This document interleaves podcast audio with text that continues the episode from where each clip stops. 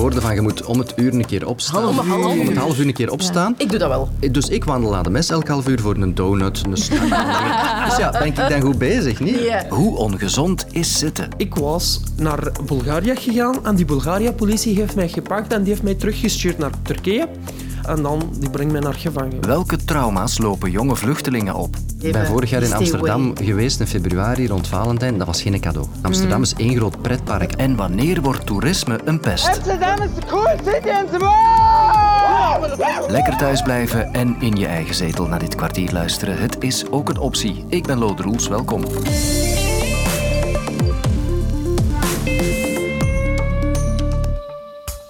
Welcome to the first walkout. I'm so glad you're with me. We're going to have a good time. Are you ready? We're going to start with stretches. Ready and up and down. We beginnen met een walkout met Jane Fonda. En ik kan het gebruiken. Want even rekenen hoeveel uur ik al gezeten heb vandaag. Anderhalf uur in de auto, acht uur aan mijn bureau, min, laat ons zeggen, een uurtje beweegtijd alles samen. Dat is dus acht en een half uur zitten. En dat is meer dan de doorsnee Vlaming. Die zit 6,1 uur per dag.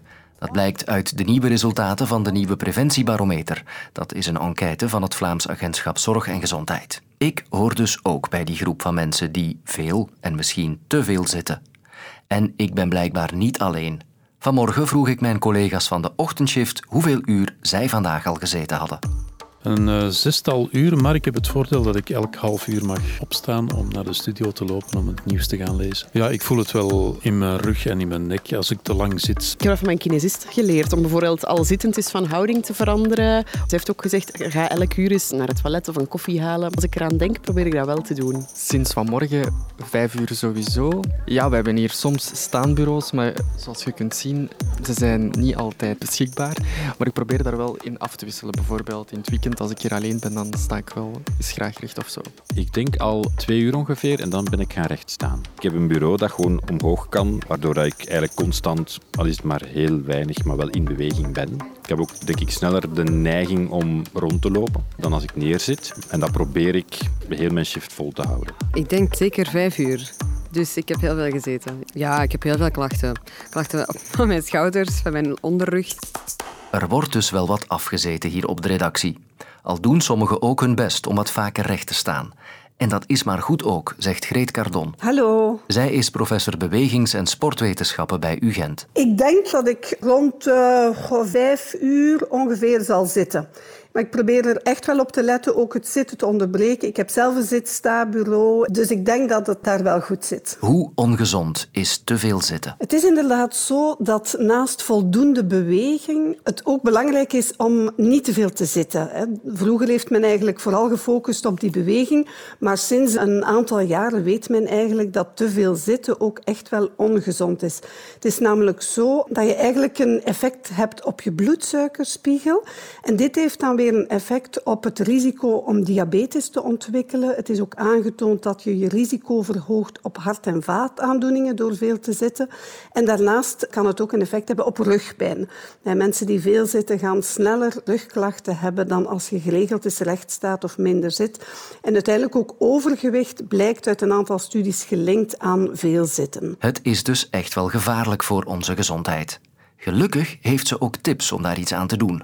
Tip 1. Onderbreek het zitten. Het is inderdaad al voldoende om eventjes het zitten te onderbreken door gewoon recht te staan, bijvoorbeeld aan een zit-sta-bureau of door gewoon naar het toilet te gaan of naar de printer te lopen. Het hoeft niet per se het doen van oefeningen te zijn of echt een, een beweegsessie, want door recht te staan, bijvoorbeeld ga je al je grote spiergroepen gaan aanspreken en dat op zich heeft inderdaad al een effect op je bloedsuikerspiegel en is dus gelinkt aan die gezondheidsvoordelen.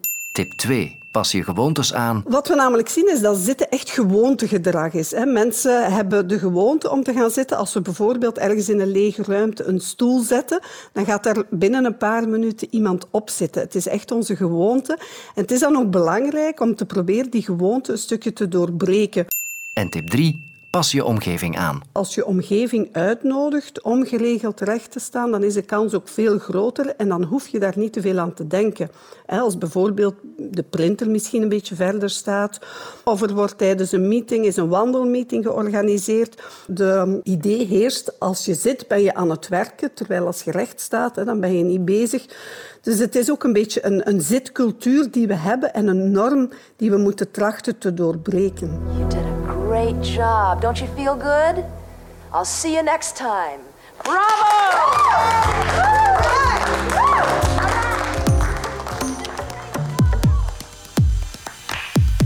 Ik ben sinds uh, 7 december 2017 ben ik hier, dus dat is ongeveer vijf of zes jaar. Dit is de stem van Kashif. Hij is nu 19 en runt samen met zijn vader een carwash in ons land. Toen hij 12 jaar was, vluchtte hij uit zijn thuisland Afghanistan richting Europa. Helemaal alleen. Zijn tocht liep via Iran, Turkije, Bulgarije en Servië en ze was lang en gevaarlijk. Toen van Iran dat wij waren vertrokken naar Turkije te komen, die grens van Turkije, wij waren daar ongeveer van s'nachts 12 uur tot middag 12 uur. Wij waren tot aan onze knie die water was en wij waren gewoon blijven aan staan met die water. Want wij kunnen niet bewegen en wij kunnen niet uitgaan van die water, want daar was politie en zo. En als die gaat ons zien, die gaat ons terugsturen. Zijn verhaal is niet uniek. Veel minderjarige vluchtelingen die alleen reizen lopen extreem zware trauma's op. Dat blijkt uit Child Move. Nieuw onderzoek is dat van de Universiteit Gent. Uh, mijn naam is Ilse Derluin en ik ben uh, als professor verbonden aan de vakgroep Sociaal Werk en Sociale Pedagogiek, professor interculturele pedagogiek en ik heb het uh, project Child Move geleid. Zij volgde bijna 300 jongeren tussen 14 en 18 gedurende twee jaar op hun tocht. Velen gaan door een regelrechte hel. We zien dat deze jongeren, deze niet-begeleide minderjarigen, met heel veel verschillende types uh, geweld geconfronteerd worden.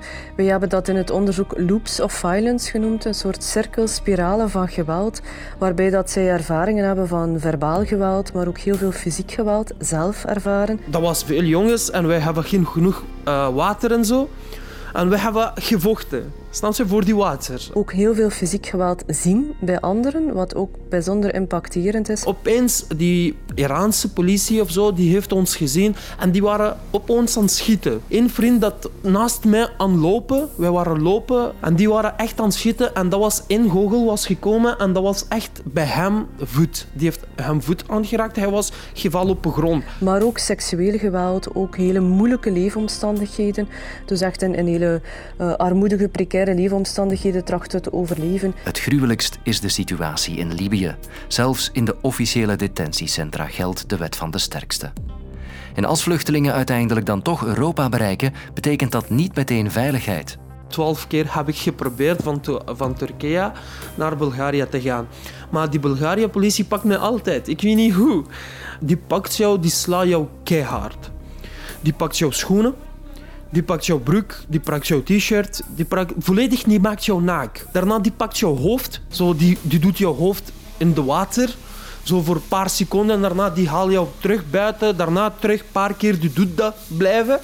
En ook zo elektrische dingen, electric shocks, die geeft ook dat. En ook die sla jou met die stok en zo. Ook in Europa, of soms zelfs nog meer dan buiten Europa, is, is die tocht heel gevaarlijk en heel zwaar. Ook daar moeten ze ja, in, in, zonder documenten en heel precaire omstandigheden overleven. Zijn ze vaak afhankelijk van mensensmokkelaars. Ik kon niet slapen, ik heb altijd koud.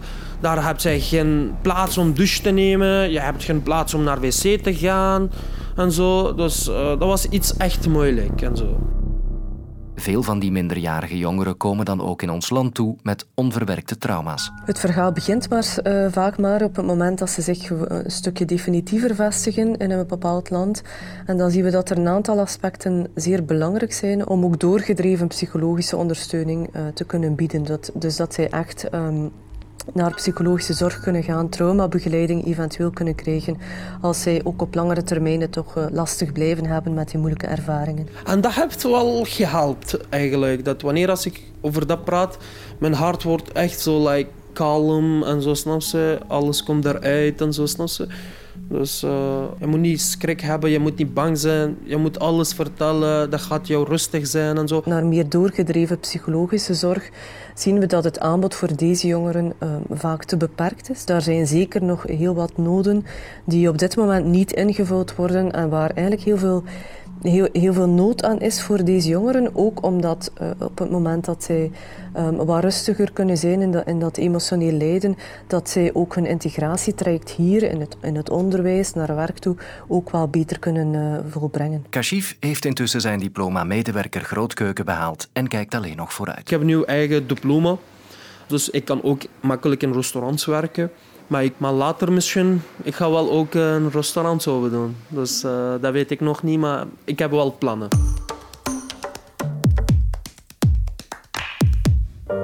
Je kan er boeken kopen die je hier heel zelden vindt. Je kan er langs de grachten lopen, je haar los in de wind. Ah, Amsterdam. De grachten, de geveltjes en vrolijke orgelmuziek in de straten. Maar de realiteit ziet er de laatste jaren toch anders uit. Ik was onlangs zelf nog eens in het centrum van de stad. En mij vielen toen vooral de dronken en stoonde toeristen op, de lelijke souvenirwinkels en de geur van urine. En op de bekende walletjes lijkt er niet meer te ontkomen aan brallende en feestende massa's, vaak Britten die naar Amsterdam afzakken voor een wilde nacht of een vrijgezellenfeest. Voor de bewoners van het stadscentrum is dat stilaan onleefbaar. Dus die vinden dat je op straat kan uh, zuipen en blowen en een heleboel herrie maken. En veel mensen maken sowieso al heel veel kabaal. En dat gaat dus op een gegeven moment door van uh, s ochtends vroeg, laten we zeggen 11 uur tot uh, 3, 4 uur in de nacht, continu. En dus is Amsterdam begonnen met een campagne om mensen weg te houden. Stay away is de boodschap van de online filmpjes. Een duidelijke hint voor wie van plan is zich te misdragen in Amsterdam en waarmee de stad dus hoopt iets te doen aan het fenomeen overtoerisme. Maar waar ligt die grens? Op welk moment wordt toerisme eerder een vloek dan een zegen? Als je het gewoon heel simpel wil zeggen, is dat het moment waarop de collectieve zeg maar, baten overschreden worden door de collectieve kosten. Met andere woorden, daar waar inderdaad zeg maar, de samenleving als geheel er geen plezier meer aan beleven aan toerisme, maar netto juist zeg maar, onder toerisme gaan leiden, heb je die draagkracht overschreden. Nou, dat is zeker het geval in Amsterdam. Het is zeker het geval in Venetië. Dat is nog net niet het geval, denk ik, in Brugge. Dit is Jan van der Borg van de KU Leuven. En ik mag hem toerismeprofessor noemen. Ja, dat staat meestal eh, in de aankondigingen, dus uh, dat is prima. En de naam is dus al gevallen. Brugge. Ook daar krijgen de inwoners wel eens het gevoel dat ze in de verdrukking komen. Welkom aan boord, dames en heren. We zijn vertrokken voor een rondvaart van een half uur door de Brugse binnenstad. Gaan we ook bij ons naar toestanden als in Amsterdam of Venetië, of staan we daar nog ver vanaf? Nee, ik denk dat uh, zeker gezien uh, zeg maar de voorspellingen die ontzettend florisant zijn tussen nu en 2030, hè, dus dat er zeker nu al zeg maar, plekken zijn die op bepaalde momenten van het jaar tegen die, die draagkracht, die toeristische draagkracht aan aan het schuren zijn. Ik denk aan de Ardennen, ik denk aan de kust, ik denk aan een aantal kunststeden. Waarvan je dan inderdaad toch moet gaan, gaan denken en inzien dat toch een beleidswijziging echt wel op zijn plaats is. En daar moet je dan met z'n allen ook aan gaan werken. Dan moeten ze bewoners, bezoekers, lokale ondernemers, niet-lokale ondernemers en de overheid en de kennisinstellingen ook samen rond de tafel gaan zitten om zo'n strategie uit te stippelen. Maar hoe kan zo'n strategie er dan uitzien? Hoe hou je een stad toeristisch gezond? Ik denk dat je inderdaad dan een, uh, toch een nieuw verdienmodel nodig uh, hebt. Hè? Dat je niet meer moet zeggen van nou, we vinden alles leuk en kom allemaal maar naar, naar onze bestemming toe. Dus alleen maar kijken naar de kwantiteit. En dat betekent inderdaad dat je bezoekers moet gaan aantrekken waarvan de sociaal-economische en ook de milieutechnische footprint zeg maar, positief is waar tot voor kort zeg maar, ministers van toerisme, ook in Vlaanderen, zeg maar, juichten als er 10% groei zat in de bezoekersaantallen. En moet je nu gaan kijken van, of er inderdaad verbetering zit in die footprint. Tweede punt is erg belangrijk van die nieuwe strategie. En wat dat betreft is de reizen naar morgen strategie van Toerisme Vlaanderen echt wel innovatief. moet je kijken naar waarvoor je het nou eigenlijk allemaal doet. En als het puntje bij het paaltje komt, dan is het toch de bewoner en de lokale ondernemer waarvoor je in principe zeg maar, een toeristisch systeem aankleedt en ook zeg maar, je promotiegeld besteedt. Als je het idee gaat krijgen dat met toeristische ontwikkeling er eigenlijk geen bewoner en geen lokale ondernemer meer gebaat is, dan moet je daar eigenlijk gewoon mee stoppen. En dat is een besef wat nog veel te weinig zeg maar, bij de stakeholders van het toeristisch systeem eigenlijk zeg maar, verspreid is. Eigenlijk zit ik ook al de hele dag op mijn bureau, besefte ik net. En aangezien ik de boodschap begrepen heb, ben ik nu voor mijn dagelijkse portiebeweging de VRT Trappenhal een beetje op en neer aan het lopen. Morgen ben ik er fit en gezond weer met een nieuw kwartier. Tot dan. VRT-gerechtsjournalist Filip Heijmans onderzoekt de onopgeloste verdwijningszaak uit 1982. Kan hij eindelijk achterhalen wat met zuster Gabriel gebeurde? Ontdek het nu in de app van VRT Nieuws. Allee, om terug naar boven te gaan gaan we wel de lift pakken, hè, man.